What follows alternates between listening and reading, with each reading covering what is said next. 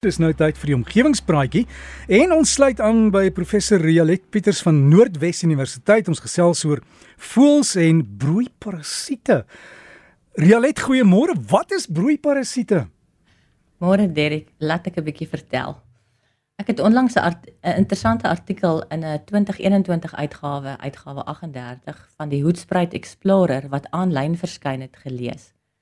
Die Afrikaanse titel van die bydrae was Die koekoeke is terug en is geskryf deur Lee Guthridge en Dr. Kirsty Lawrence en is ryklik met fotos geïllustreer. Die artikel handel oor die broeistrategieë van koekoekvoëls. Jy sien, koekoekvoëls lê hulle eiers in ander voëlspesies se neste en verwag dan dat die gasheer die eiers uitbroei en hulle kuikens grootmaak. Koekoeke is somerbesoekers aan Suid-Afrika en die meeste van hulle trek in wintermaande na warmer dele. Maar omdat hulle in die somer hier is, broei hulle in Suid-Afrika. Twee koekoekspesies wat egter die heel jaar in Suid-Afrika bly, het die pragtige Afrikaanse volksname van mooi meisie, die Engels is African Emerald Cuckoo en Mykie wat die Engels is Claas's Cuckoo. Ander dalk meer bekende koekoekvoëls is die Piet my vrou, die gestreepte en bont nuwejaarsvoëls en die diederikkie. En al word hierdie voëls beskryf as luidrigtig, is hulle moeilik om raak te sien want hulle is taamlik skugter en baie goed gekamoufleer in die blare dak. Ek het al te vergeefs in Cathedral Peak se area na die ontwykende Piet my vrou gesoek met my verkyker teen my oë vasgeplak en kon die voël net nie opspoor nie ten spyte van sy luidkeelse roep.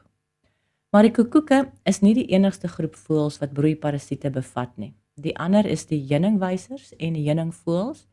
Die blou vinkies in Engels is dit indigo birds koning en pylstert rooibekkies of die waidas en die koekoekvink.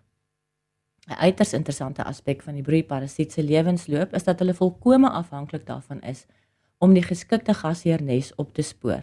Net 1% van alle voëlspesies in die wêreld gebruik hierdie oorlewingsstrategie suksesvol. Die koekoekkuiken sal waarskynlik nooit sy biologiese ouers ontmoet nie. Maar dis nie so maklik om jou eier in enige nes te lê nie. Die eiers moet onopsigtelik gelê word sodat die gasheer nie dadelik agterkom dat daar nou skielik nog 'n eier is nie. En dit moet skelm gedoen word want die gasheer voel is bedag op hierdie gedrag van die broeiparasiet en sal hulle verjaag indien hulle die skelm eierleier naby hulle nes opmerk. Die voordeel vir die broeiparasiet is dat hulle meer as 1 broeisel eiers per seisoen kan lê omdat hulle nie self 'n nes hoef te bou of hulle eie kuikens groot te maak nie, terwyl die gasheer spesies meestal net een broeisel per seisoen kan bekostig. Die eiers van die broeiparasiet is dikwels dieselfde kleur en grootte as die gasheersin, veral as die broeiparasiet uitsluitlik een ander gasheer spesies parasiteer. Sommige broeiparasiete het egter meer as een gasheer spesies. Dit impliseer dat hulle met die verskillende broeisiklusse van hulle verskillende gasheer spesies moet sinkroniseer. Hulle moet die verskillende nestipes navigeer, aanpas by verskillende broeitydperke en ook aanpas by diverse voedingsgedrag. En wanneer die parasietkuiken uitbroei, skop dit soms een of meer van die gasheerkuikens uit. Dis nou as sy ma dit nie reeds gedoen het toe sy haar eier in die gasheernes gaan lê het nie.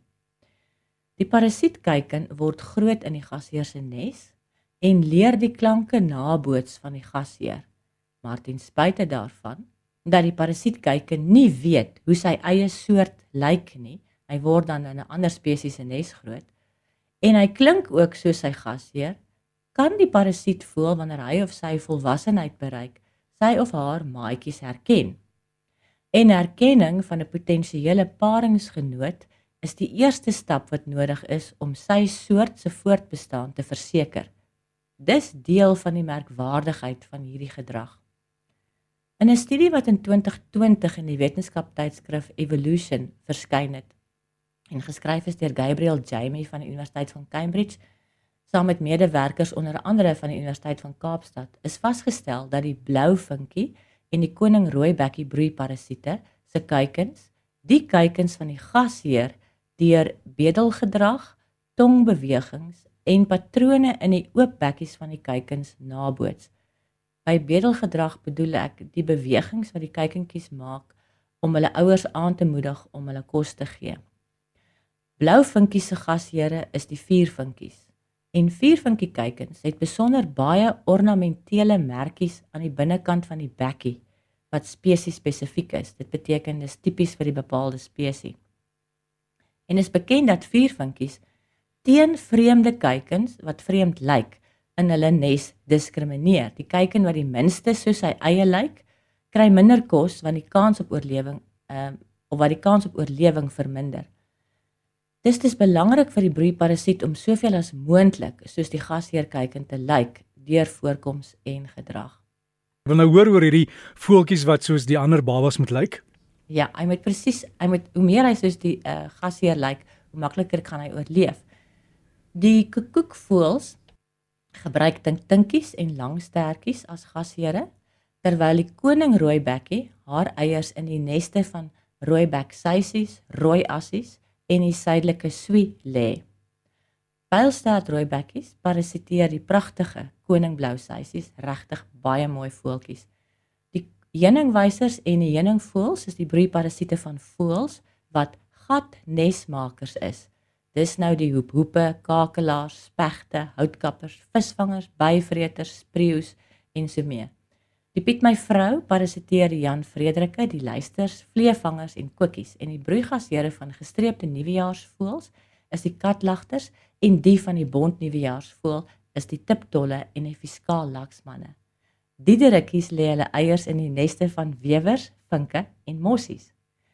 Die verhouding tussen 'n broeiparasiet en sy gasheer word noodgedwonge as juis dit, parasitisme beskryf, omdat die een spesies bevoordeel word en die ander een net benadeel word. Daar's geen voordeel vir die gasheer spesies in hierdie verhouding nie. En ek is seker, die luisteraars moes al hierdie vreemde verskynsel waargeneem het waar 'n klein kokkie of Jan Frederik vervaard die skreeuende bek van 'n duidelik groter Piet my vrou kyk en probeer stilmaak. Die parasiet kyken is steeds 'n kyken maar reeds twee keer die grootte van die volwasse gasheer voel. Ons het op omgewingspraatjies se Facebook bladsy foto's geplaas van die witpoot blouvinkie of die purple indigo bird en sy gasheer, die Jameson se viervinkie gaan kyk gerus.